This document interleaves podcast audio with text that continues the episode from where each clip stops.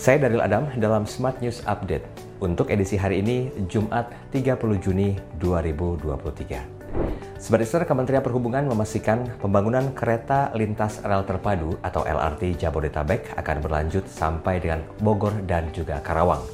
Menteri Perhubungan Budi Karya Sumadi mengatakan LRT Jabodebek akan memasuki tahap uji coba pada tanggal 12 Juli hingga 17 Agustus 2023. Selama masa uji coba ini, penumpang hanya akan dikenakan tarif Rp1. Budi berharap LRT Jabodebek ini bisa mengangkut 500.000 penumpang setiap harinya. Kita beralih ke berita selanjutnya. Jelang pemilihan stadion untuk ajang Piala Dunia U17, Menteri Pekerjaan Umum dan Perumahan Rakyat Basuki Hadi Mulyono memastikan kesiapan Stadion Jakarta International Stadium. Bahkan ia akan melakukan pengecekan langsung ke JIS. Basuki mengatakan PUPR mengaku siap jika seandainya JIS perlu direnovasi, terutama terkait akses dan lahan parkir yang saat ini menjadi sorotan dan menjadi hal yang sangat krusial. Kita beralih ke informasi yang terakhir.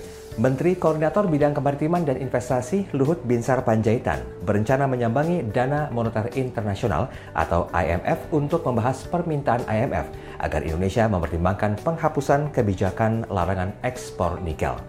Luhut akan bertemu Managing Director IMF Kristalina Georgieva pada akhir Juli atau awal Agustus mendatang. Pertemuan tersebut bertujuan untuk menjelaskan visi Indonesia terkait dengan hilirisasi. Luhut menegaskan sikap Indonesia sebagai negara berdaulat dan sedang berkembang yang ingin memperkuat perannya dalam proses hilirisasi. Sekian berita hari ini. Sampai jumpa dalam Smart News Update berikutnya.